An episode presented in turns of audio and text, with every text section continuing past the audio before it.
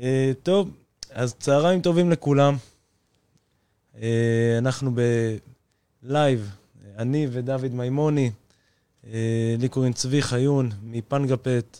אנחנו, אצלי העסק, פנגפט, עוסק במזון וציוד לבעלי חיים. כבר שלוש שנים שאנחנו מספקים מזון וציוד וגורמים לכלבים להיות מאושרים ולחתולים במשלוח מהיר. מעבר לזה, אה, אנחנו כאן בלייב כדי לספק לכם בעצם אה, שירות ולתת לכם מידע על כל מה שעניין אתכם. אספנו שאלות שנשאלו, אה, שלקוחות ביקשו שנענה עליהן לפני הלייב. והנה דוד, בואו נציג... אהלן, אהלן, מה העניינים? דוד מיימוני מחברת ווף דוגס ישראל, הבעלים של הבית ספר להכשרת מאלפים הכי גדול בארץ. אה, יש לנו שלושה סניפים, בית שמש, נתניה וחיפה, אבל אני פחות מעניין היום, אתם יותר מעניינים.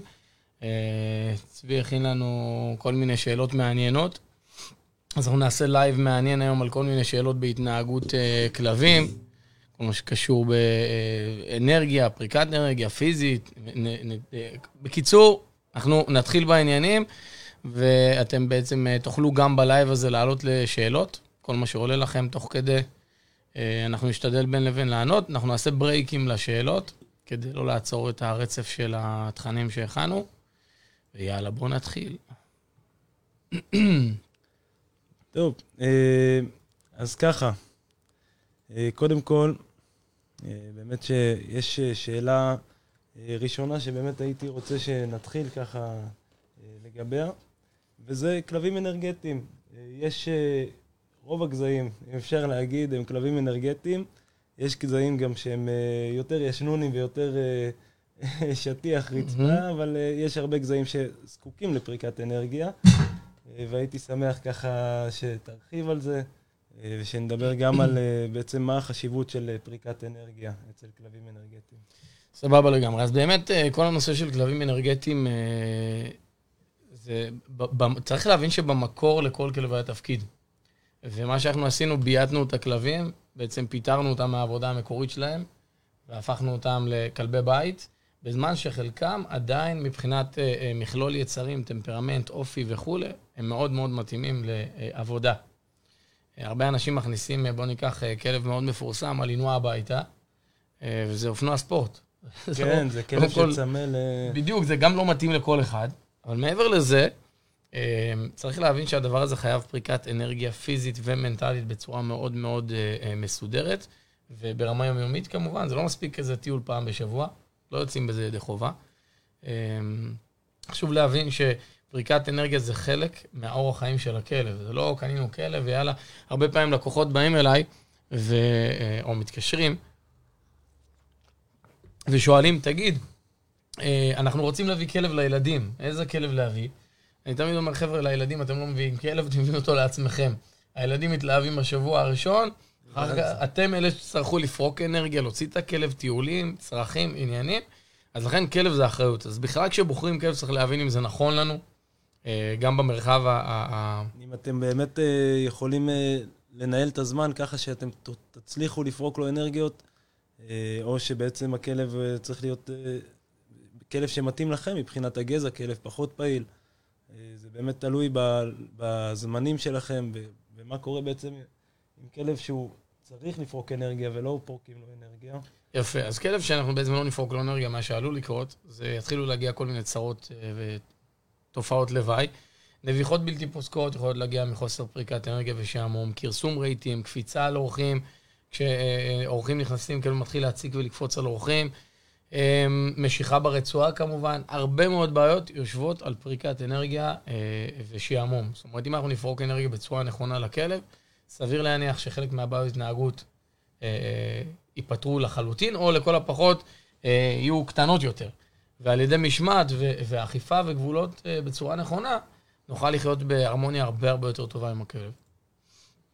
בעצם מה שדוד אומר פה זה שפריקת אנרגיה זה הבסיס כמעט לכל דבר, לכל בעיה התנהגותית כזו או אחרת. אה, אה, כמובן שיכול מאוד להיות סיבות אחרות לבעיה התנהגותית, אבל אה, הרבה מה, מהבעיות נוגעות דווקא בפריקת אנרגיה. זאת אומרת באמת צריך קודם כל להתמיד לעשות את זה.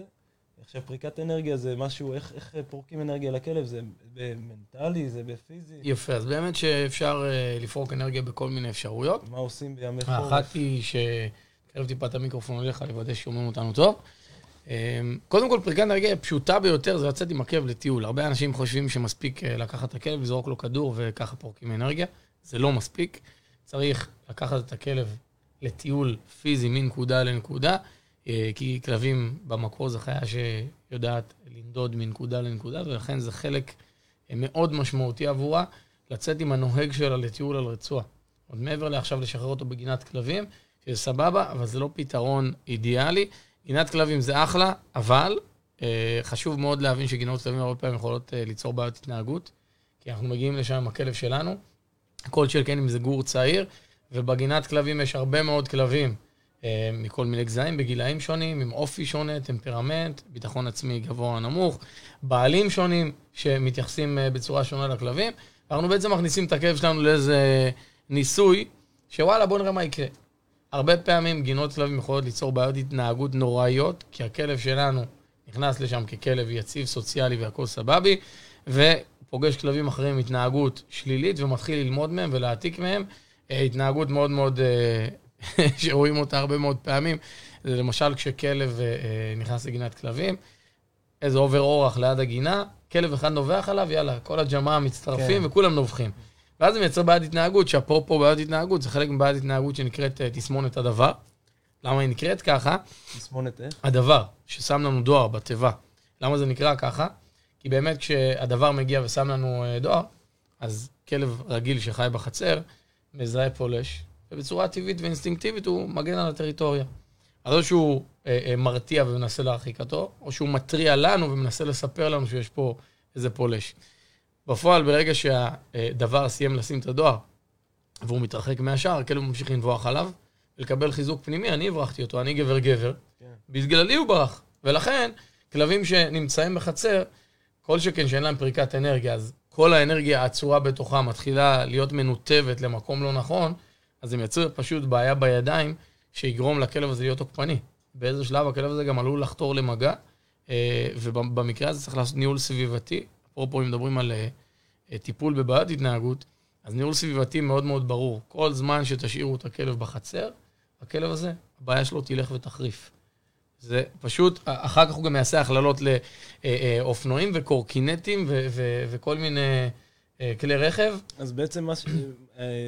לא כדאי להשאיר את הכלב בחצר, או שבעצם אה, כדאי, אפשר, אבל מי שרוצה, אבל אחרי בעצם שהוא פרק אנרגיות ושהוא לא... אז אני הייתי ממליץ בצורה גורפת לא להשאיר כלב בחצר שיש שם עוברים ושבים, אלא אם כן זה חצר אחורית, מקום שהוא אה, אה, בעצם ללא חשיפה לאנשים. אה, ואם אין ברירה, אז לעבוד הרבה מאוד על פריקת אנרגיה ועל אדישות באזור החצר. כדאי כמובן להיעזר במאלף, לעבוד על אדישות, בעיקר ארצה ולהישאר, וביצוע של פקודות, למרות שיש... גירוי משמעותי בצד השני של הגדר. אולי גם uh, לסגור את ה... שלא יראו את ה... חד משמעית זה חלק מי, אבל אני לא רוצה לתת לזה פתח, כי הרבה אנשים יגידו, וואלה, אני אשים מיעוטה, פתרתי את הבעיה. הרבה פעמים זה לא פותר, כי היוטה באיזה שלב מתבלה ואף אחד לא באמת מחליף אותה. דבר שני, אה, כלבים הרבה מאוד אה, עסוקים גם בחושים נוספים. למרות שבמקרה הזה, החוש הראשון שבעצם מעסיק את הכלב, הוא מקבל על ידו חיזוק פנימי, זה חוש הראייה, הוא רואה את הבן אדם מתרחק על ידי הנביחות, הוא אומר, אני הרחקתי אותו. גם כשכלב מיומן כזה שעשה את זה הרבה פעמים, גם כשנחסום אותו, הוא עדיין ימשיך עם ההתנהגות, סביר להניח, בעוצמות יותר נמוכות, כי אין לו את אותו חיזוק ויזואלי, אבל הוא ימשיך עם ההתנהגות מכיוון שהוא עדיין שומע את הבן אדם, מריח את הבן אדם, וכן, כלב יכול לשמוע התרחקות ואפילו להריח התרחקות של אובייקט. כן, זה נכון. לכלבים יש חושים, אה, מה שנקרא, של גיבורי על. הם אה, פשוט, אה, הם פשוט אה, שומעים הרבה יותר חזק מאיתנו, הם מריחים פי כמה וכמה, והם משתמשים בחושים האלה באמת כדי לדעת הרבה דברים שאנחנו אפילו לא מעלים על דעתנו, כמו אפילו אם, אם מרגישים, מריחים את הפחד, מריחים חשש. מריחים אנרגיות, את האנרגיה שלך. אפשר לראות שאפשר, ברמה המחקרית, כלבים לצורך העניין, יש להם כ-220 מיליון קולטנים באף, לעומת בן אדם יש להם כ-5 מיליון קולטנים, שאצלנו גם לא כולם פעילים, אבל זה, זה, זה פסיכי. כן. היכולות של הכלב הן פסיכיות, ומה שמתכוונים שכלב יודע באמת להריח פחד, זה קצת שנוי במחלוקת, אבל כלב בוודאי יודע לזהות אנרגיות בצורה מעולה. והרבה פעמים רואים את זה עם לקוח, כשאתה עובד עם הכלב, הוא מבצע את הפקודות בצורה מעולה, אתה מעביר ללקוח או ללקוחת הרצועה, והכלב לא מקשיב. מאוד מאוד תלוי בתחנת התמסורת, כי זו חיה שמאוד חשוב להעביר לה מידע אסרטיבי, תקיף, בצורה מאוד בהירה. אה, ואם אנחנו לא מעבירים את המידע נכון, הכלב מתחיל, אה, בדיוק, הכלב מתחיל לבדוק גבולות, ואני אקרא לזה, אני אתן דוגמה לזה. כלב נגיד שעולה על הספות בבית, רוצים להוריד אותו. אז uh, אני תמיד נותן דוגמה של ילד קטן, שזה מה שכל בעלי הכלבים בערך עושים עם הכלבים שלהם. ילד קטן בא לאמא שלו, אומר לה, אמא, תביא לי סוכריה. אומרת לו, בערב אחרי ארוחות ערב. עושה סיבוב חמש שניות, אמא, תביא לי סוכריה. אומרת לו, אמרתי לך, בערב אחרי ארוחות, עושה סיבוב חמש שניות, אמא, תביא לי סוכריה. בסופו של דבר, מה היא עושה? קח ולך, רק רד מעליי. עזוב אותי. וזה מה שבעלי הכלבים עושים עם הכלבים שלהם. הכלב עולה לספה, והמאלף אמר להקפיד להוריד כל פעם, אם לצורך העניין זו הבעיה שמפריעה. לא לוותר גם פעם אחת אפילו. ואז מה שקורה, בן אדם בפעם המאה, יושב ומשחק בפלייסטיישן, או לא בא לו עכשיו אה, להוריד את הכלב, או שסתם מגניב לו שהכלב ישים עליו ראש ויתפנק עליו, אז הוא מעגל פינה. אז הכלב אומר, אוקיי, כנראה, כמו אותו ילד, שאומר כנראה לאמא שלי יש בעיות uh, קצב וריקוד. היא כנראה לא מבינה מה אני אומר, צריך לחזור על הדבר עוד פעם ועוד פעם, בסוף תלמד. כנראה בפעם האלף זה יעבור. בדיוק, ואז הכלב לומד התמדה. מלמדים אותו בידיים להיות מתמיד, והוא יודע שהוא ינצח. לטובה ואז... ולרעה. נכון. שגם uh, אפשר להשתמש ב, ב, בלימוד הזה, שכלב יכול ללמוד ככה כמו ילד, בהשוואה לילד, אה, גם לטובה, גם לדברים שהם... לחלוטין. שאתה רוצה שהוא ילמד. לחלוטין. Uh, עכשיו, תגיד לי, אם כבר אנחנו מדברים uh, על האנרגיה של, שלי ל, ליד הכלב, האם באמת האנרגיה שלי uh, באמת תלויה ב, ב, במה שאני משרה, או אם אני עכשיו לחוץ בזמן, אם אני עכשיו רעב, אם אני עכשיו עצבני, אם אני עכשיו מאוד רגוע, זה משפיע על הכלב? Uh, שאלה מעולה. אז, אז בגדול, הכלב לא באמת יודע אם אני עצוב כי גנבו לי את הארנק או כי רבתי עם אשתי. אבל הוא כן בהחלט כלבים, בעיקר כלבים שמטפלים בכל מיני הלומי קרב וכלבים טיפוליים בתחום הזה, עם אינטליגנציה רגשית מאוד גבוהה, בהחלט יכולים לזהות את הרגש שלנו, ואפילו לבוא ולנסות לתמוך בנו. האם יודעים למה זה קרה? ממש לא, כלבים הם לא נביאים ולא בני נביאים, אבל אנרגטית הם בהחלט יכולים להרגיש אותנו. ואני תמיד אומר אה, למאלפים ובכלל לכלבנים שלומדים אצלי, הם מתייעצים איתי, אני תמיד אומר, חבר'ה, אם אתם עצבניים, אתם ביום לא טוב, אל תעבדו עם הכלב, זה בסדר. אין סיבה לעבוד עם הכלב כשאתה כועס או אימפולסיבי או והכלב ש... יחטוף בגלל זה. או שתיקחו שנייה, תירגעו, תנסו להשרות. או שתתאפס ואז תחזור לזה, בדיוק. אז זה באמת אה, קשור, אה, קשור ממש, קודם כל, אליכם, לאנרגיות ש... שאתם משרים לכלב. אה, ויש פה שאלה שנשאלה, איך אפשר אה, באמת, איזה, אה, אם אני באמת רוצה לאמן את הכלב בבית, איך אני יכול לאלף את הכלב אה, בבית, אם אין לי בעצם את היכולת לשלם למאלף, או שאני רוצה ביום-יום, הרי יש אנשים שכמעט כל היום עם הכלב שלהם, אם הם עובדים מהבית או שהם מביאים את הכלב לעבודה, ויש להם הרבה הזדמנויות לאלף את הכלב במהלך היום. אז קודם כל, איך אפשר באמת לאלף את הכלב בצורה מנטלית? לפרוק לו אנרגיות בצורה מנטלית, במיוחד עכשיו בחורף, שאי אפשר לצאת עם הכלב אה, לבחוץ, אה, כי יש אה, גשמים ולא תמיד זה אפשרי. Mm-hmm. מה היית ממליץ לאנשים שבבית רוצים ככה... אוקיי. Okay. אז, אז לגבי פריקת אנרגיה פיזית ומנטלית, פריקת אנרגיה פיזית, כמו שאמרנו קודם, זה טיולים. אפשר לרוץ עם הכלב, אפשר לעשות עם הכלב רכבות כלבים, אפשר למצוא קבוצה מעולה בפייסבוק שנקרא, אם אני לא טועה, נקראת גדוד רוכבי הכלבים. או פשוט לכתוב רכבות כלבים, גם בפייסבוק, גם ביוטיוב, ולהצטרף לקהילה מעולה, שבעצם מלמדת רכבות כלבים, בדיוק כמו שאסקי סיבירי רתום למזחלת ומושך אותה. אה, למרות שהדבר הזה, הרבה פעמים יש לו יחסי ציבור לא טובים, כי אנשים חושבים, אה, אתה קושר את הכלב למה שהוא מושך. חבר'ה, זה התפקיד של הכלב במקור, זה מה שהכלב אוהב לעשות, הוא נהנה מזה. מי שיראה כלבי מזחלות בחו"ל יראה שהם ממש מתבכיינים להתחיל לרוץ, הם מתרגשים כן, לרוץ ולמשוך את המזחלת, הם נהנים מזה, אף אחד לא כופה עליהם את זה, וזה כלי פגז לפריקת אנרגיה. בעצם אם, אם בן אדם ילמד רכבות כלבים בצורה נכונה, ושוב, כמו שאמרתי, אפשר למצוא חומר ברשת.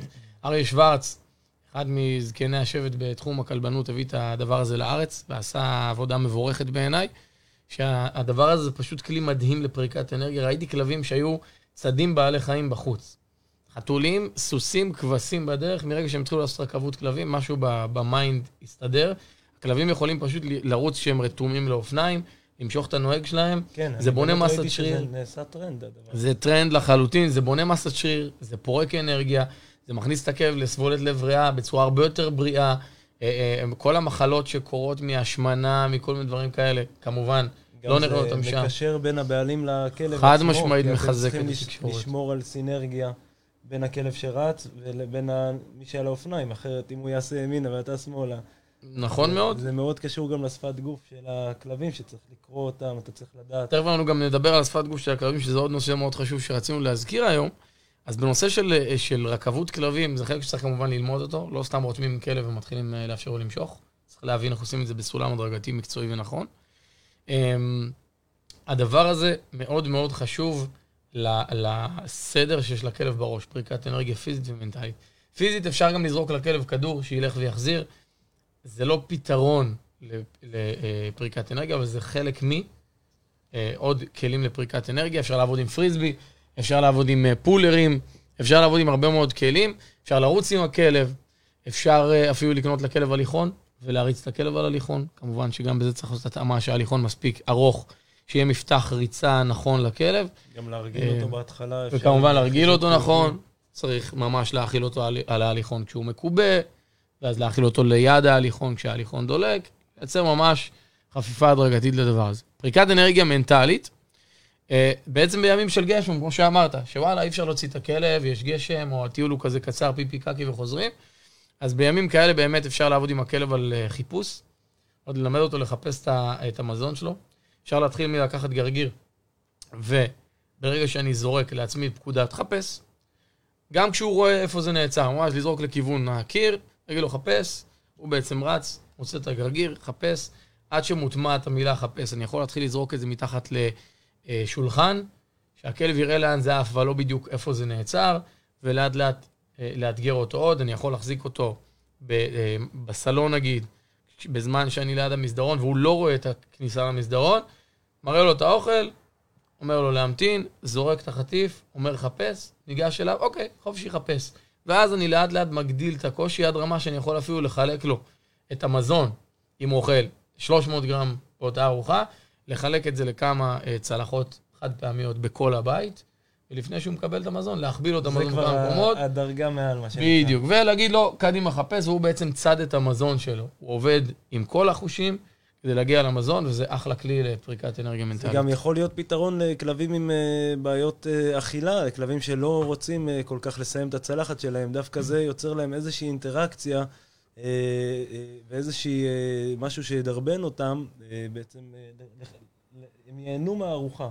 ממש הם ייהנו מהארוחה, זה מפעיל להם עוד חושים מלבד צלחת אוכל, כך תאכל. ואני חושב שזה מדהים, זה אחלה, אחלה פתרון. כמובן, אפרופו אדם מתעסק עם ציוד ומזון, וכחלק מזה, אני מניח שאתה מכיר ואפילו מוכר את המוצרים כמו קונג וולבר, כל מיני קערות האכלה איטית יותר. וזה אחלה כלים, כי גם הקונג הזה, הנחום תקום הזה, זה כלי מעולה, כי כלב ברגיל יכול לסיים את האוכל תוך שלוש דקות, ועם זה יכול להיות שייקח לו 25 דקות, כן. אה, ואולי יותר מזה. זה כלי מעולה לפרוק לו אנרגיה מנטלית, כי הוא צריך לעבוד ולחשוב מאיפה אני נותן את המכה, ומאיפה יצא לי האוכל, כדי אה, לקבל את המזון. נכון, יש, אה, אם כבר מדברים, יש אה, צעצועים, באמת שכמו שדוד אמר, זה צעצועי הכלה איטית. אה, כמו קונג וובלר, לדוגמה, זה צעצוע שהרבה מאוד לקוחות שרוכשים אותו, הם אה, משתמשים אה, בארוח, באופ, באופן יומיומי בזמן הארוחה של הכלב, הם ממש נותנים לכלב 70% או 50% ארוחה בצלחת, ועוד 50% ארוחה בצעצוע האכלה איטית, וככה זה גם מאריך את הזמן של הארוחה, גם משביע את הכלב כי הוא לא אוכל את הכל מהר, הוא מרגיש הרגשת שובע כמו שאנחנו נאכל יותר לאט, אנחנו נרגיש הרגשת שובע. מעבר לקון גרובלר, יש באמת צלחות האכלה איטית, שזה צלחות שמפריעות לכלב במבנה שלהם מבפנים, זה נראה קצת כמו איך, זה, איך אני אסביר את זה? קוצני כזה, בעצם אה, האוכל נמצא בין הבליטות, כדי למנוע מהכלב לאכול בקלות, ואז הוא... זה מאתגר אותו למשוך את זה עם הלשון. ויש גם משטחי ליקוק, שזה, קודם כל, משטח ליקוק מושך את הזמן ונותן לכלב uh, uh, הרבה uh, אינטראקציה ופעילות בזמן הארוחה. מה גם שמשטח ליקוק, הפעולה עצמה של ליקוק, אה, משרה הורמון של אה, רוגע, אה, וזה משרה הרגעה אצל כלבים. אגב, אתה יכול להסביר קצת יותר על משטח של ליקוק? לא נראה לי שהחבר'ה כולם מכירים כן. מה זה, אז אולי תרחיב על זה. משטח ליקוק ש... בעצם זה משטח שנראה שיש בו המון המון חריצים. שם אתה יכול למרוח כף או שתיים של שימורים, לעשות, לשים על זה גם כמה גרגירי מזון. אפשר חמת בוטנים, ממש זה נדחף לתוך החריצים בתוך המשטח. Mm-hmm. יש אה, שני משטחים שיכולים אה, אה, לעשות את העבודה, משטח מסיליקון ומשטח קשיח. המשטח הקשיח יש לו רגלי גומי למניעת החלקות, ככה שבעצם כלבים שהם קצת יותר חזקים ואגרסיביים, שמזיזים את הצלחת לסוף הבית, אז המשטח הקשיח מיועד להם. המשטח סיליקון זה לכלבים יותר עדינים, כאלה שבמילא הם לא מזיזים את הצלחת. מעבר לזה, זה באמת מוצר נהדר שנקרא ליקימט, והוא יכול להשרות אה, גם הרגשת רוגע וגם אה, אה, בעצם הכלב אוכל את הארוחה במשך חצי שעה עד שעה. אז זה לוקח המון זמן. מעולה, מעולה. אז רצינו לדבר גם על שפת גוף. בואו נראה רק אם יש לנו שאלות. אני רואה שיש לנו כאן כמה צופים שמתעניינים בסרטון. אהלן, שלום לכולם. שפת גוף אצל כלבים. אז יש אה, שפת גוף באמת אה, אצל כלבים שיכולה אה, לתת לנו רמזים מבעוד מועד.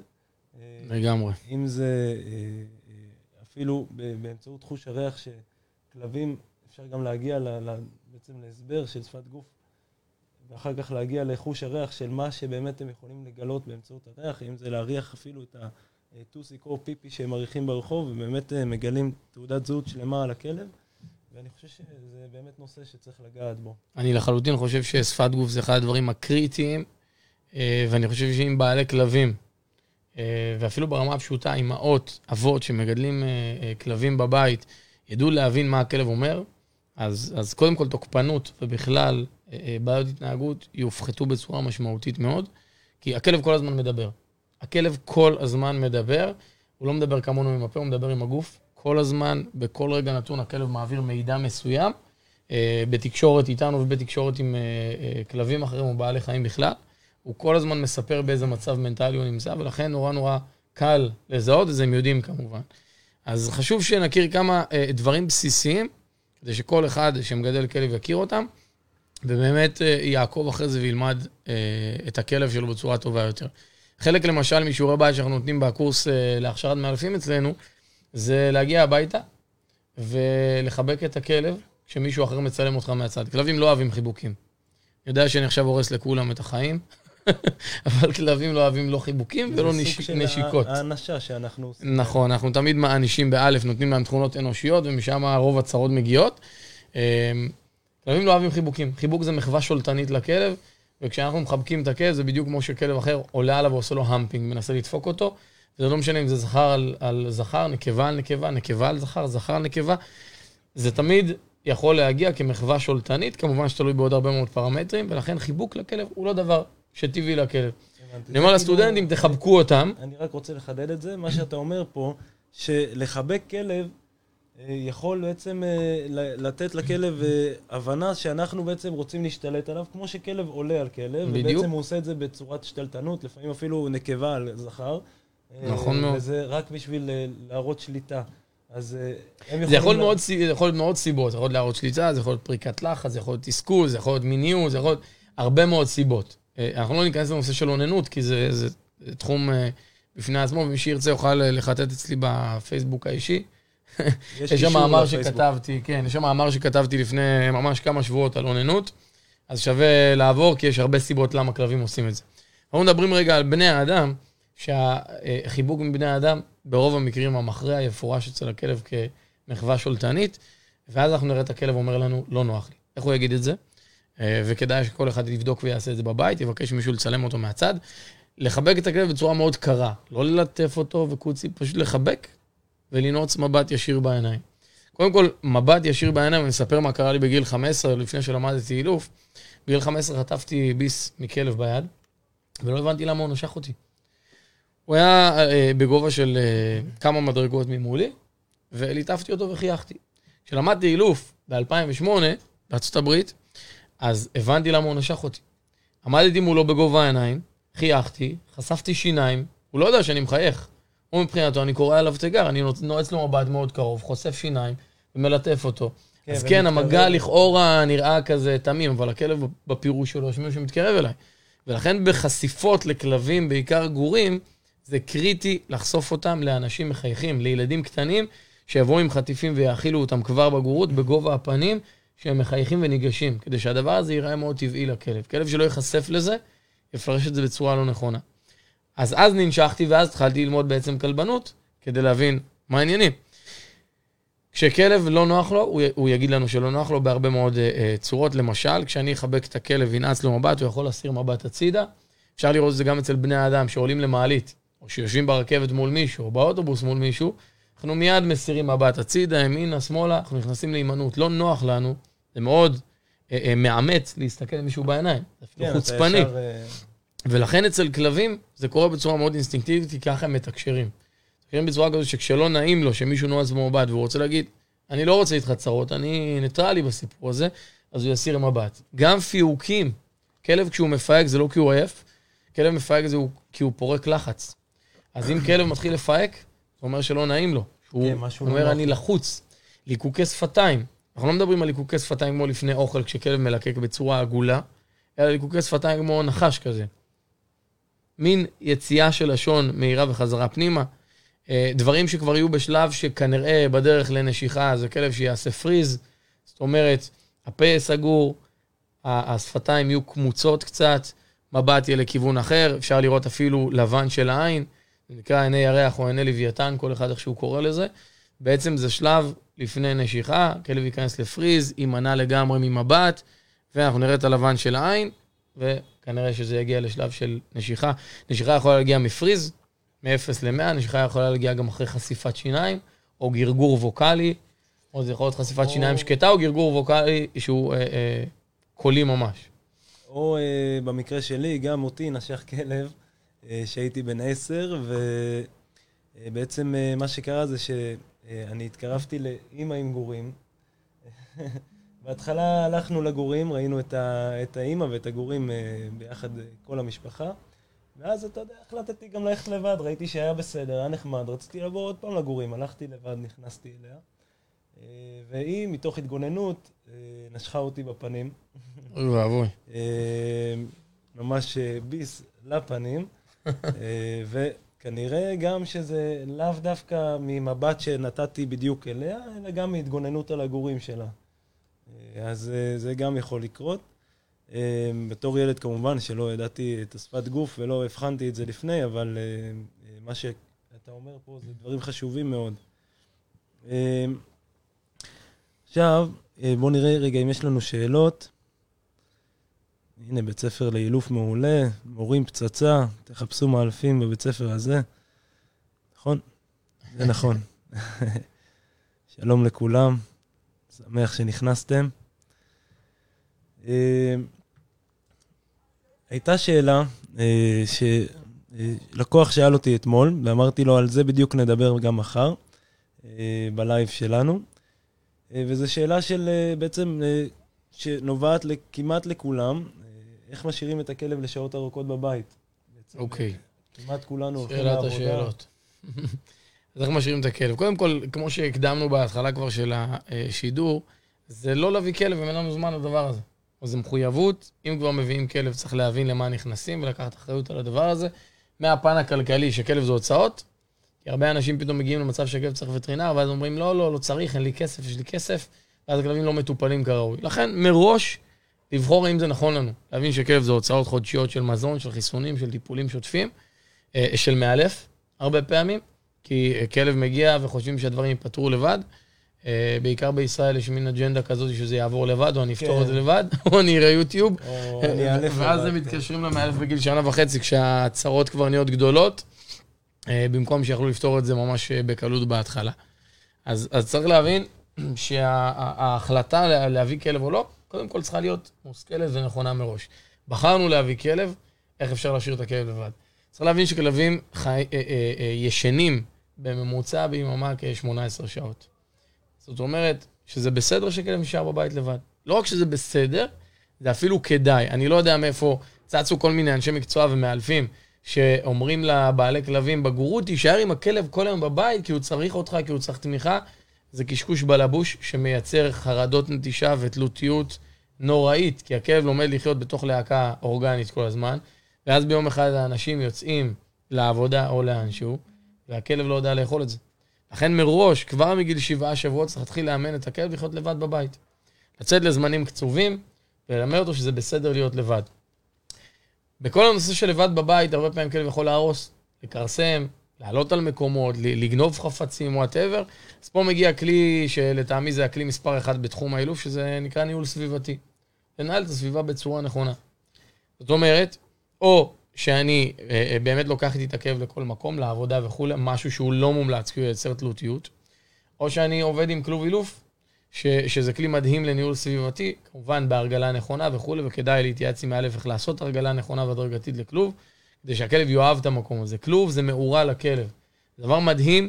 שיכול לפתור בעיות התנהגות של נביחות, של קפיצה על אורחים, של, של כרסום רהיטים, של גנבת אוכל, של אין סוף דברים. של צרכים בבית. של צרכים בבית, הבעיה אה, אולי מספר אחד. כל הנושא של גמילה מצרכים בכלל, אה, ואולי גם היום, אה, אם יישאר לנו זמן ותרצה, נוכל ממש לתת טמפלט איך לעשות גמילה מצרכים. ממש את כל התהליך. בצורה מאוד נכונה, למעט ההרגלה לכלוב, שאפשר ככה בכמה מילים. זה תהליך שכדאי שהוא יעשה עם מאלף. כמובן שגם גמילה מצרכים כדאי שיעשה עם מאלף, אבל לגמרי אפשר לתת פה אה, כלים לאיך בגדול עושים גמילה מצרכים בצורה אה, מסודרת. אה, אז כלוב אילוף, זה הרבה אנשים אה, חושבים שזה כלא, שזה לא נעים לכלב, שהוא סובל שם. אז זה בדרך כלל אנשים שמענישים באלף, כמו שדיברנו קודם, נותנים תכונות אנושיות לכלב. ואם כבר נותנים תכונות אנושיות לכלב, אז תלכו עד הסוף. למה? כי כל תינוק עובר דרך לול. וכל תינוק נמצא בלול הרבה מאוד שעות ביום. למה לתינוק שזה בן אדם זה בסדר, אבל לכלב זה לא בסדר? אוקיי? זאת אומרת, אם אתם כבר משווים לבני אדם משהו לא נכון, לטעמי, אבל אם כבר, אז בואו נשווה עד הסוף. למה תינוק זה בסדר? או ניתן דוגמה נוספת. הרבה אנשים בתקופת הגמילה מצרכים אה, מונעים מהגור מים בצורה חופשית, שזה לגמרי בסדר. לא צריך אה, אה, לייבש את הגור, כמובן, צריך לתת לו ב... אה, בזמנים קבועים במהלך היום, מספיק מים בצורה נכונה ואחראית. אה, בעיקר אם הוא חי בתוך בית, במקום שהוא מקורה, ממוזג, הוא לא בשמש כל היום, אין בעיה. כששמים לגור מים כל היום, כלבים הרבה פעמים שותים משעמום או מסטרס. ואם הגור הזה כל היום בבית, הוא ישתה מלא מלא מלא מים, והוא כנראה גם ישתין מלא. והרבה אנשים מזדעזעים, איך מגבילים את הגור ממים? אז אין מה להזדעזע. כל מי שיש לו ילד קטן בבית יודע כשהוא עשה לו גמילה מטיטולים, אז בתקופות של הכמה שבועות האלה שהורידו לו את הטיטול עד שהוא למד להתאפק כראוי, אז מנעו מאותו ילד לשתות בלילה מים. וכשהילד הזה ביקש מים, נתנו לו איזה ככה דוגמית של אה, רבע כוס מים כדי לשתות. כי אם ייתנו לילד הזה הרבה מים והוא בלי טיטול, הוא יעשה צרכים, יעשה פיפי במיטה כנראה. כי מבחינת מנגנונים, המנגנון של הכלב, אה, טכנית, זה, זה לא עניין אה, אה, של למידה. טכנית, שלפוחית השתן של הכלב לא יכולה להחזיק יותר מ-X זמן. זה משתנה וזה אינדיבידואלי מכלב לכלב. יש איזו הנחיה גורפת, אה, שהיא כמובן לא גרנטי, שטוענת שכלב יכול להתאפק כמניין החודשים פלוס אחד. זאת אומרת, אם הוא בגיל שלושה חודשים, אז הוא יכול להתאפק ארבע שעות. עוד שלוש, שלושה חודשים פלוס אחד. אצל גורים אתה מדבר. אצל גורים, לא כן. כלב בן 17, עכשיו תשאיר אותו. כמובן. אגב, כלב בן 17, אפרופו, זה כבר מבוגר מדי, ויכול להיות שהוא לא יכול להתאפק כי הוא כבר במצב גריאטרי. זה כבר, כן. זה סיפור אחר. זה סיפור אחר לגמרי. אמ, אבל לגמרי, כלוב זה כלי אה, מדהים בעיניי. כמובן צריך לעשות עבודה נכונה. יש כלבים שלא יתאימו לכלוב, כל מיני כלבים מאוד חרדתיים וכולי, שאפילו... אה, יפרצו את הכלוב ויצאו ממנו, או יפצעו את עצמם אפילו בדרך החוצה. לכן כל דבר כזה צריך להיעשות בהתייעצות עם מאלף, אה, כי הרבה פעמים כלב יכול להיות אה, שהכלוב זה הדבר הכי מדהים שקרה לו, זה הזולה שלו והמאורה שלו והמקום הבטוח שלו, והוא תמיד יבחר בצורה טבעית ללכת לשם ו- ולשהות כן. שם. אה, ואם עושים טעויות בהרגלה לכלוב, זה יכול להפוך להיות הדבר הכי גרוע שיכול להיות לכלב. זאת אומרת, אם יהרסו משהו בתהליך, הכלב הזה עלול לעולם לא לרצות להתקרב לכלוב או להיות בכלוב. אז מה שאומר שההתחלה, לפני בעצם שמתחילים את העבודה עם כלובים וגדרות, חייב מאוד מאוד לה, להתייעץ עם מאלף, כי ההתחלה היא קריטית. חד משמעית. ברגע שאנחנו עושים את זה בצורה לא נכונה, הכלב יירתע מהכלוב ומהגדר, ובעצם אה, עשינו אה, משהו שלא פשוט לתקן. אז במקום לתקן, פשוט מההתחלה, מבעוד מועד, אה, פשוט... לקחת אחריות ולעשות את זה נכון. אני אתן דוגמה פשוטה. יש כלבים שמספיק שהכלוב אילוף, נגיד כלוב רשת, הכלובים שכולם מכירים, המגש. יש כלבים שמספיק שהם ידרכו על המגש ויהיה להם את הרעש של המתכת והפלסטיק, זה יבהיל אותם, והם uh, יברחו החוצה. כזה, כזה דבר פשוט. בן אדם לא נותן את הדעת על הדבר הזה.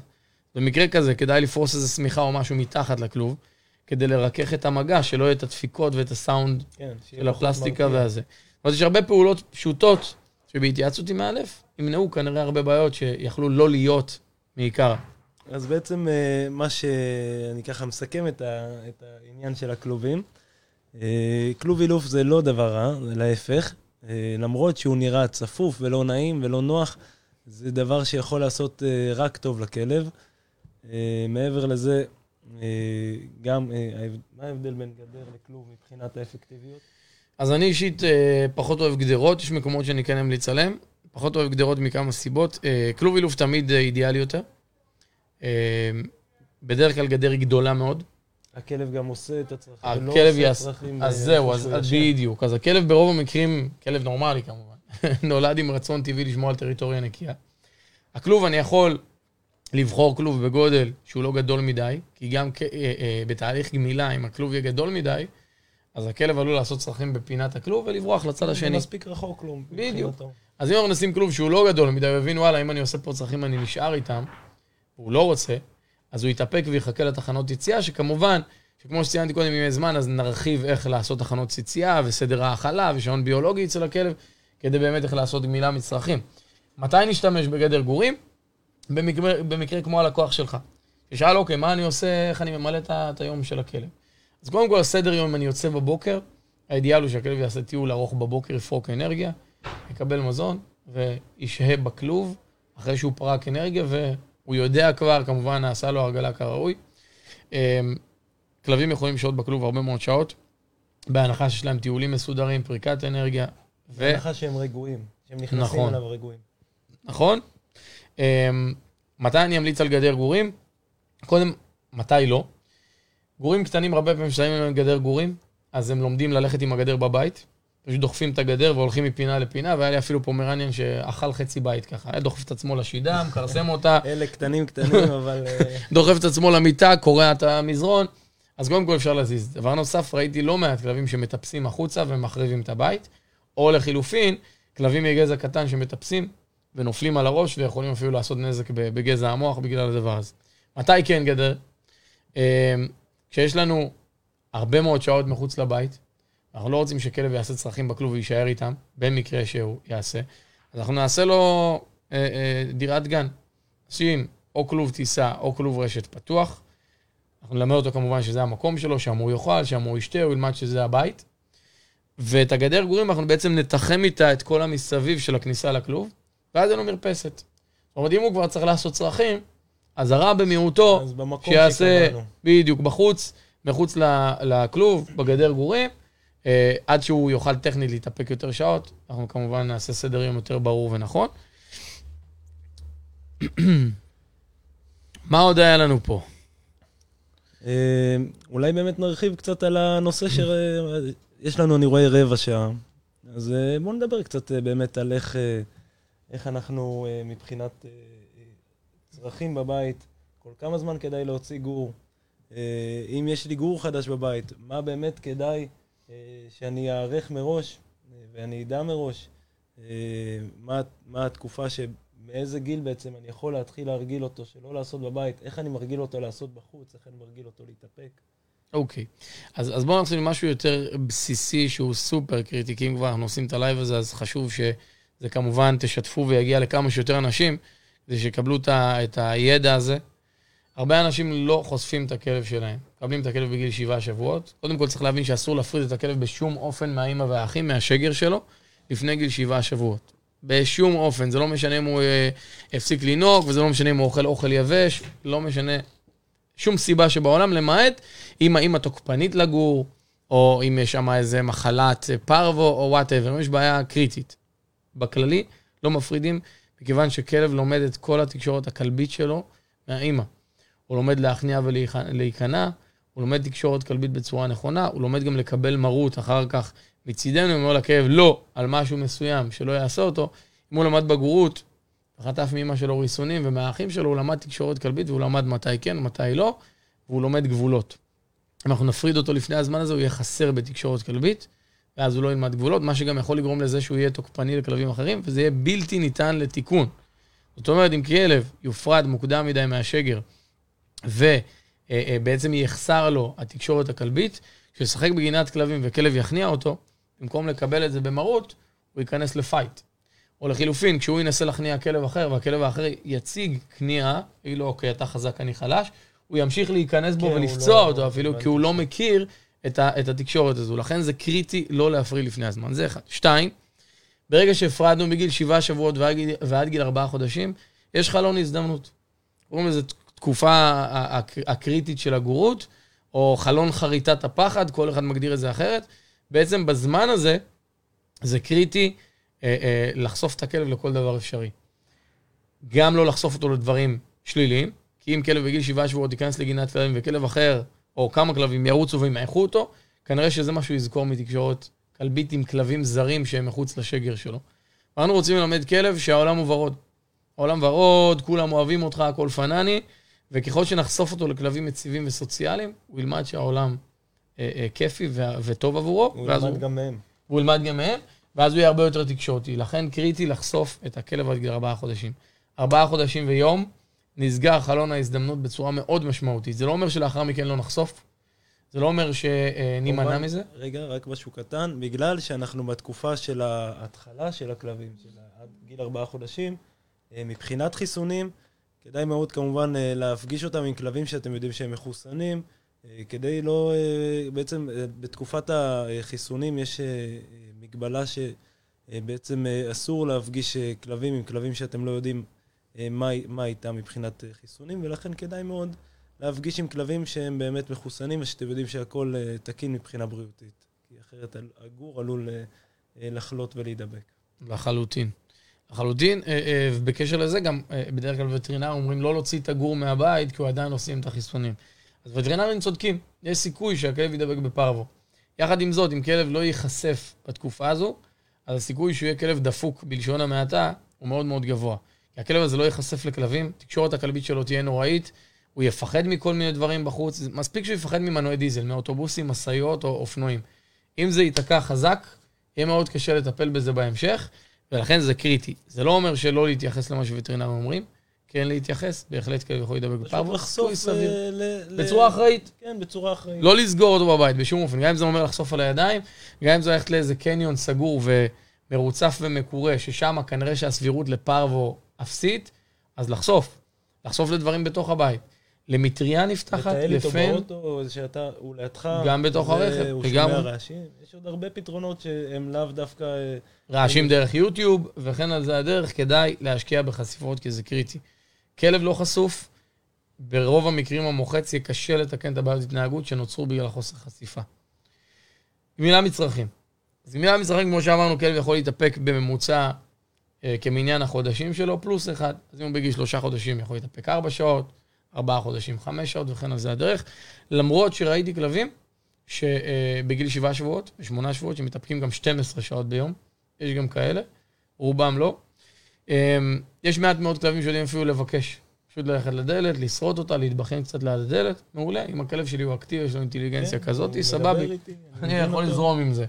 אמ, צריך להיזהר זה שאנחנו לא נייצר כלב מניפולטיבי, מניפולטיבי ומפעיל, שלא יקרה מצב שהכלב מתחיל לעשות את זה סתם כדי לקבל טיול.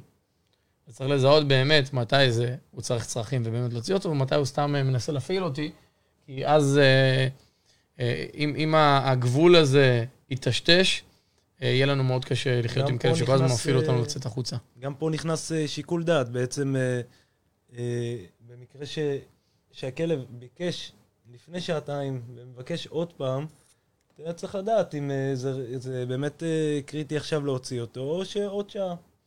נכון, תלוי ב... ממש לפי השיקול דעת שלך, אם אתה רואה שהוא מתחיל להפעיל אותך, אז כדי למנוע, מה שנקרא, מניעה, מניעת...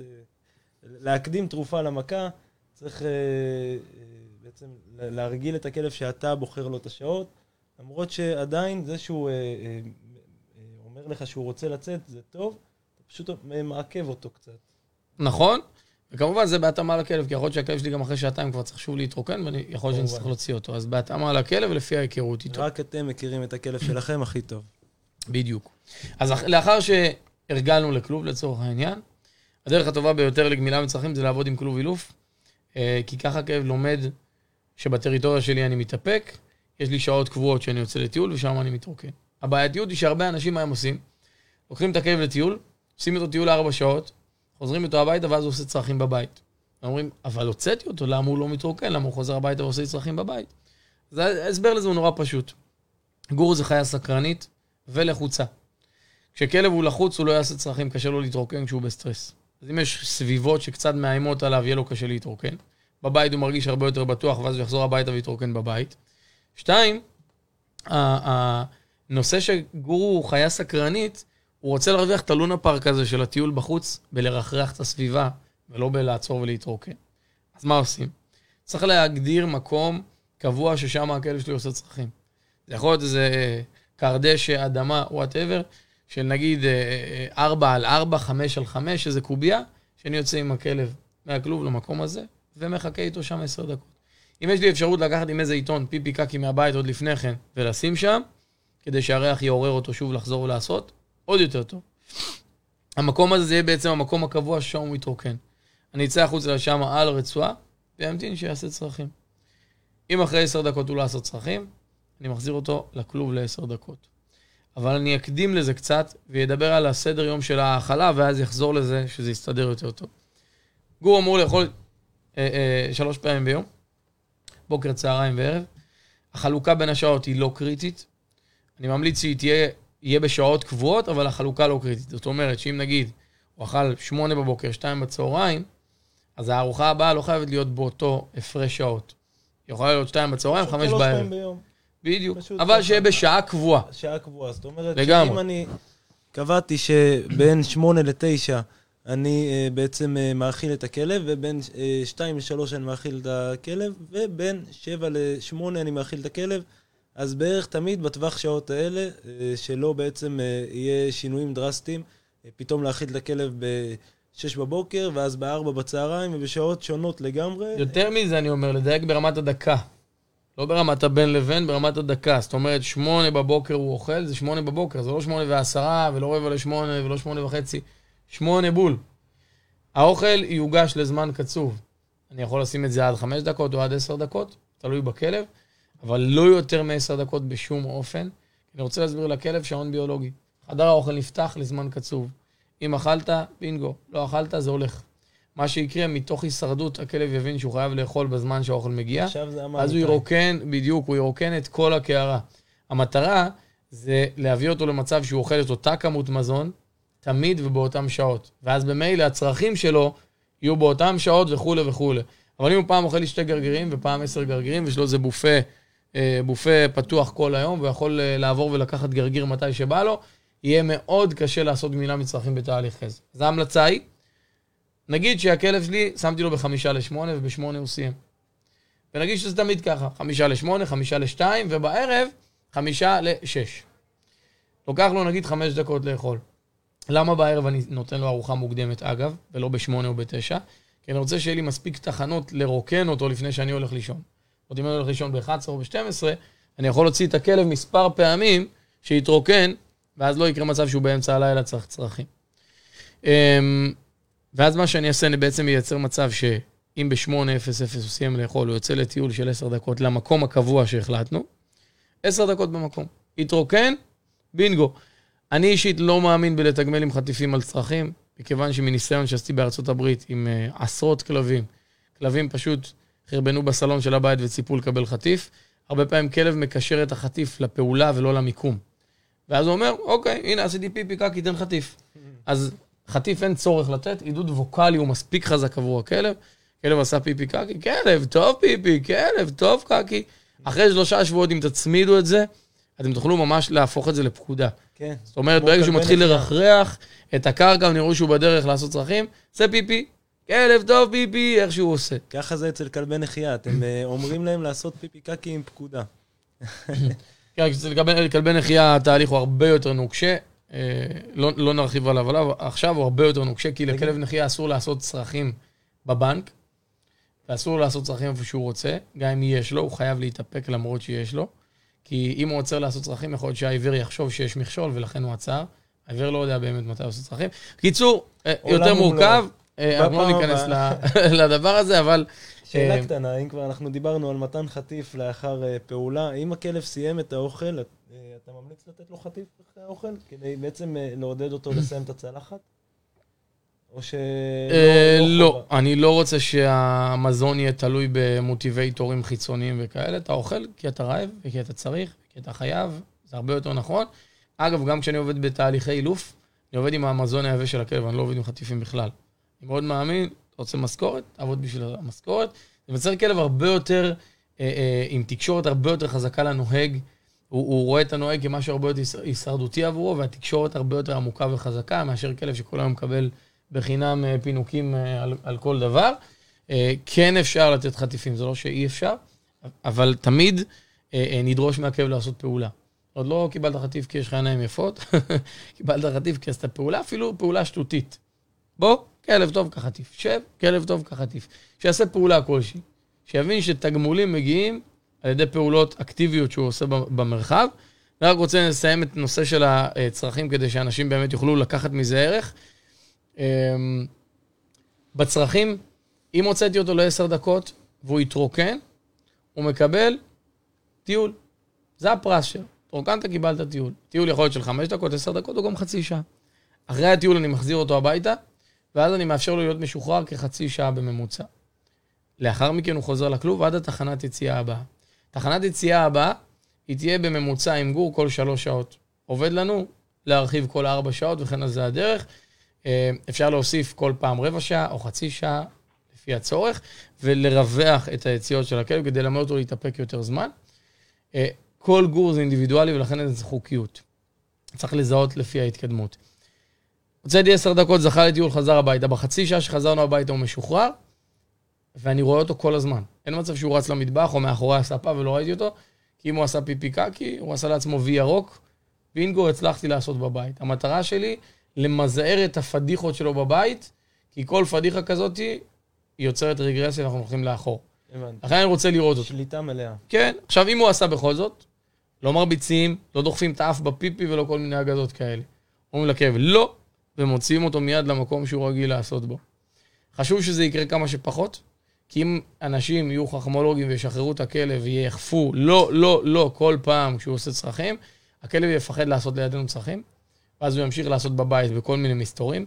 כשיוצאים איתו על רצועה, הוא יפחד לעשות לידי, אז הוא יתאפק ויעשה בבית או בכלוב, ואז נוצר פה מין אה, ביצה ותרנגולת מכיוון אחר, אה, בעיית התנהגות חדשה שאנחנו לא רוצים שהיא תקרה. לכן, משחררים אותו בזמן הבטוח. זמן שהוא, עכשיו הוא יתרוקן, בחוץ, כנראה שבחצי שעה הזאת אין לו מה לעשות. במילא יהיה רוב הסיכויים שהוא לא יעשה פיפי קקי. בדיוק. ואז כל שלוש שעות אותו קונספט. מה קורה אה, אם, אגב, כל שלוש שעות וכמובן כל סוף ארוחה. מה קורה אם יצאתי החוצה עשר דקות, לא התרוקן, אני מחזיר אותו לכלוב לעשר דקות. אחרי עשר דקות בכלוב, אני מוציא אותו החוצה לעשר דקות, וכן לזה הדרך, עשר בכלוב, עשר בחוץ, עשר בפנים, עשר בחוץ, עד שהוא מתרוקן. עכשיו, מה שיקרה, אנחנו נגלה משהו מאוד מעניין. אחרי זמן מאוד קצר, זה יכול להיות אפילו תוך שבוע, אם הכלב אוכל שלוש ארוחות ביום, ונגיד אחרי אה, שלושה ימים, יש לי כבר תשע ארוחות, בזמן הזה אני יכול כבר להבין כיוון תוך כמה זמן הוא מתרוקן מסוף האוכל. כן. אם הוצאתי אותו בשמונה והוא מיד עשה, וזה חזר על עצמו שלושה ימים, תשע ארוחות, אז כנראה שהוא עושה מיד אחרי האוכל. אז אני יודע את התחנה כבר. אז יש לי כבר שלוש פעמים ביום זמן גרנטי, שאני יודע מתי הוא מתרוקן. שאר הזמנים, להתאים אותם במרווחים נכונים לפי הגור. אם הוא יתרוקן לי אחרי 40 דקות, הוצאתי 10 דקות, החזרתי 10 דקות, הוצאתי 10 דקות, וב-8 ו-40 הוא עשה.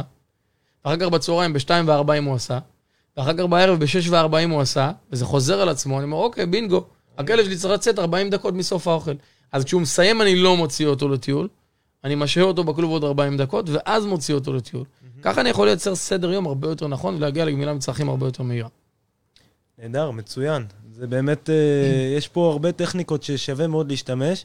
יש פה שאלה על, אה, מסבטלנה, אה, תדברו על נושא, אם לוקחים כלב, כל המשפחה צריכה לקבל את זה. אם לא כלב, יהיה רצוי חלק מהמשפחה, ואחר כך יהיה בעיות התנהגות כלפי חלק מהמשפחה.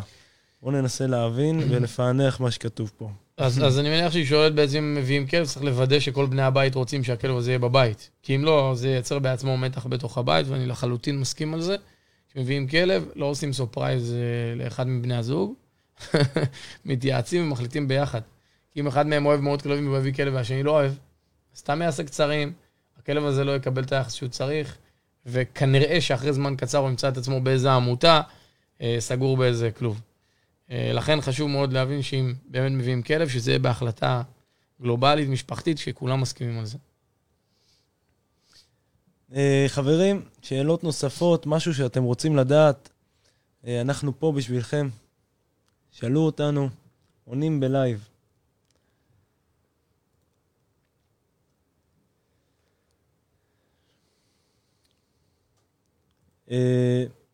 בואו נדבר קצת ככה לדקות האחרונות שלנו, אה, על אה, סירוס של אה, זכרים. יש כאלה שמתנגדים, יש כאלה שמאוד מעודדים. ומה אתה חושב על זה, ובעצם איך זה משפיע על זכרים מבחינה התנהגותית? אז דעתי בנושא סירוס היא מאוד מאוד ברורה, על אף שהרבה וטרינרים לא יאהבו את מה שאני אומר עכשיו. הרבה וטרינרים מוכרים ללקוחות שלהם, שאגב, אני מניח שהווטרינרים אומרים את זה מתוך חוסר ידיעה. או מתוך מה שהם למדו באוניברסיטה לפני 20 שנה, או מתישהו כשהם היו שם. סירוס כלבים לא גורם לכלב להיות פחות אנרגטי. האגדה הזאת שתסרס את הכלב והוא אה, יהיה יותר אה, רגוע, זה קשקוש בלבוש אחד גדול. כלב אנרגטי יישאר אנרגטי. האם זה יכול להוריד? זה יכול להוריד קצת, כי זה בעצם גורם לזה שהטסטסטרון של הכלב יהיה ברמה הרבה יותר נמוכה, אבל זה ייצור צרות אחרות, כמו השמנת יתר וכולי. אבל סירוס ככלל לא גורם לכאב להיות פחות אנרגטי. זה שיש בינגו על כמה כלבים שסירסו אותם והם הגיעו לאיזה נקודת התבגרות והפכו להיות פחות אנרגטיים בגלל הזמן, זה לא בגלל הסירוס. סירוס לא פותר בעיה של אה, אה, אנרגיה. פריקת אנרגיה פותרת בעיה של אנרגיה. כלב עם ביצים או בלי ביצים, יהיה אנרגטי. אבל מבחינת התנהגות מול זכרים אחרים, כמובן ששני זכרים מסורסים ושני זכרים לא מסורסים, זה התנהגות אז בואו בוא נראה, בואו נדבר על זה. קודם כל, כשמדברים על התנהגות כלבים, צריך להבין שיש הרבה דברים שקדמו לה, עם ביצים או בלי ביצים, זכר או לא זכר, שני זכרים מסורסים או שני זכרים אה, לא מסורסים, מכיוון שזה תלוי קודם כל בגנטיקה. דבר ראשון בגנטיקה, כלב שהוא גנטית אה, אה, לא יציב, לא תקשורתי, זה לא יעזור אם נוריד לו את הביצים, הוא עדיין יהיה לא יציב ועדיין יהיה לא תקשורתי, ולי יש טענה אפילו נוספת, לא ראיתי מחקר לגביה, זו טענה שלי, כך שלכן אני מסייג אותה ואומר את זה רק לדעתי, שאני זיהיתי, לא בעשרות, במאות כלבים, אילפתי אלפי כלבים, מעל 3,000 כלבים בארץ ובארצות הברית, ראיתי במאות כלבים, שכשהם מסרסים כלב שהוא תוקפני על רקע פחדנות, הוא הופך להיות יותר תוקפני. ברגע שהטסטסטרון נמוך יותר, זה עלול לגרום מצב של לכאורה חוסר ביטחון עצמי, והכלב שהוא במילא יש לו חוסר ביטחון עצמי, והוא מונע מפחד בתוקפנות שלו, אותו וטרינר שממליץ בוא נוריד לו את הביצים והוא יהיה לו תוקפני, יכול להחריף את המצב. ושוב אני מסייג, לא ראיתי שום מחקר לגבי הדבר הזה, רק מניסיון אישי שלי, לכן חשוב להבין שהדבר הזה לטעמי עושה נזק יותר מתועלת. עכשיו, איפה זה יכול כן בתקשורת כלבית להועיל? כמו שהזכרתי, גנטיקה משפיעה קודם כל. אחר כך, הפרדה מוקדמת מהשגר, הם הפרידו מוקדם, זה יכול ליצור בעיות תקשורת בהמשך. חוסר חשיפה בגרות יכול ליצור תקשור, בעיות תקשורת בהמשך. זאת אומרת, לפני שמתעסקים עם הביצים של הכלב, בוא רגע נבין מה היה לפני כן. יכול להיות שהדבר הזה לא יפתור כלום. אז קודם כל להתייעץ עם מאלף, ולא להחליט לסרס על אה, אה, דעתו של וטרינר, אלא להתייעץ עם מישהו שמבין בהתנהגות כלבים. וטרינר הוא רופא כלבים, הוא לא מלמד התנהגות, הוא גם לא מבין בהתנהגות כלבים. זה כמו שאני לא רופא, אני לא יכול להמליץ על דברים. כשאני מדבר על סירוס, אני יכול להמליץ מה אני חושב ברמה ההתנהגותית. ברמה הרפואית, אני אמנע מלתת את דעותיי, כי אני לא רופא ולא למדתי רפואה. ברמה ההתנהגותית, כן, יש סבירות שכששתי זכרים מסורסים ייפגשו, יהיה פחות מתח. Uh, הרבה פעמים כלב הולך מאחורה ומחפש את השק אשכים ולא מוצא אותו, והריח של הטסט מאוד מאוד נמוך, ולכן הוא לא בטוח מה, מה זה החיה הזאת. בסדר? אז זה יכול להשפיע. Um, איפה יש השפעות משמעותיות?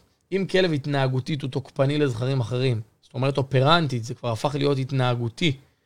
לא משנה אם נוריד לו את הביצים או נשאיר לו את הביצים, זה יישאר שם, ההתנהגות הזאת. הוא צריך תהליך טיפול אילופי. זה, זה כבר לא בביצים, זה במוח. בדיוק, הוא צריך תהליך אה, אילופי. איפה כן סירוסים יכולים להועיל? כלב שבורח לנקבות מיוחמות, כנראה שזה יפחית את הזה, או אפילו יפתור לחלוטין. כי המנגנון ההישרדותי לברוח ולחפש נקבה. כן, הוא פועל אה, בגלל ההורמונים. בדיוק. אז אנחנו בעצם, זה יכול להועיל שם. זה יכול להועיל בפייט בין זכרים שגרים באותה שכונה, אה, בעצם שני זכרים ערסים שמסמנים את אותם העמודים בשכונה, וכשיום אחד הם נפגשים, הוא אומר, אה, אתה משתין לי על הפיפי שלי, בוא, בוא מכות, בוא. במקרה כזה זה יכול גם להפחית מתחים בין זכרים, כי הדבר הזה, הטריטוריאלי וכל הנושא של הטסט בשתן, הופחת. זאת אומרת שזה גם הופחת. הריח בשתן אה, משתנה.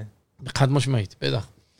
אמ, זה יכול... אה, למנוע תוקפנות על, על רקע של נקבה מיוחמת, זאת אומרת, אם נגיד תהיה נקבה מיוחמת באזור, יהיו זכרים שהם מסורסים, הסיכוי שביניהם יהיה מתח על אותה נקבה הוא יותר נמוך, כי בעצם אה, אין להם את המנגנון ההישרדותי. בעצם אה, כל מה שקשור לטסטסטרון שיכול להשפיע, לרוב זה יושב על הורמונים. אה, כלבות מיוחמות באזור ודברים כאלה, אז זה כבר יפחת. יש יתרונות לסירוס ויש חסרונות. כמובן שנגענו על קצה המזלג. מעבר לזה, אנחנו כבר שעה בשידור, ולכן אנחנו נאלץ לסיים. דוד מימוני, ווף דוגס, ישראל, באמת בית ספר למאלפים, להכשרת מאלפים, אה, ברמה הגבוהה ביותר שיש. הקישור נמצא בלייב עצמו. אני הייתי צבי חיון מפנגפט, בכיף, שיהיה לכולם אחלה בחלה של יום, וכמובן, אם יש לכם שאלות, אה, אתם מוזמנים לרשום לנו בפרטי. אה, אם יש לכם אה, שאלות בלי קשר ללייב הזה, לדברים אחרים גם כן, שיהיה באמת יום טוב לכולם. תודה רבה שהייתם. סיונרה.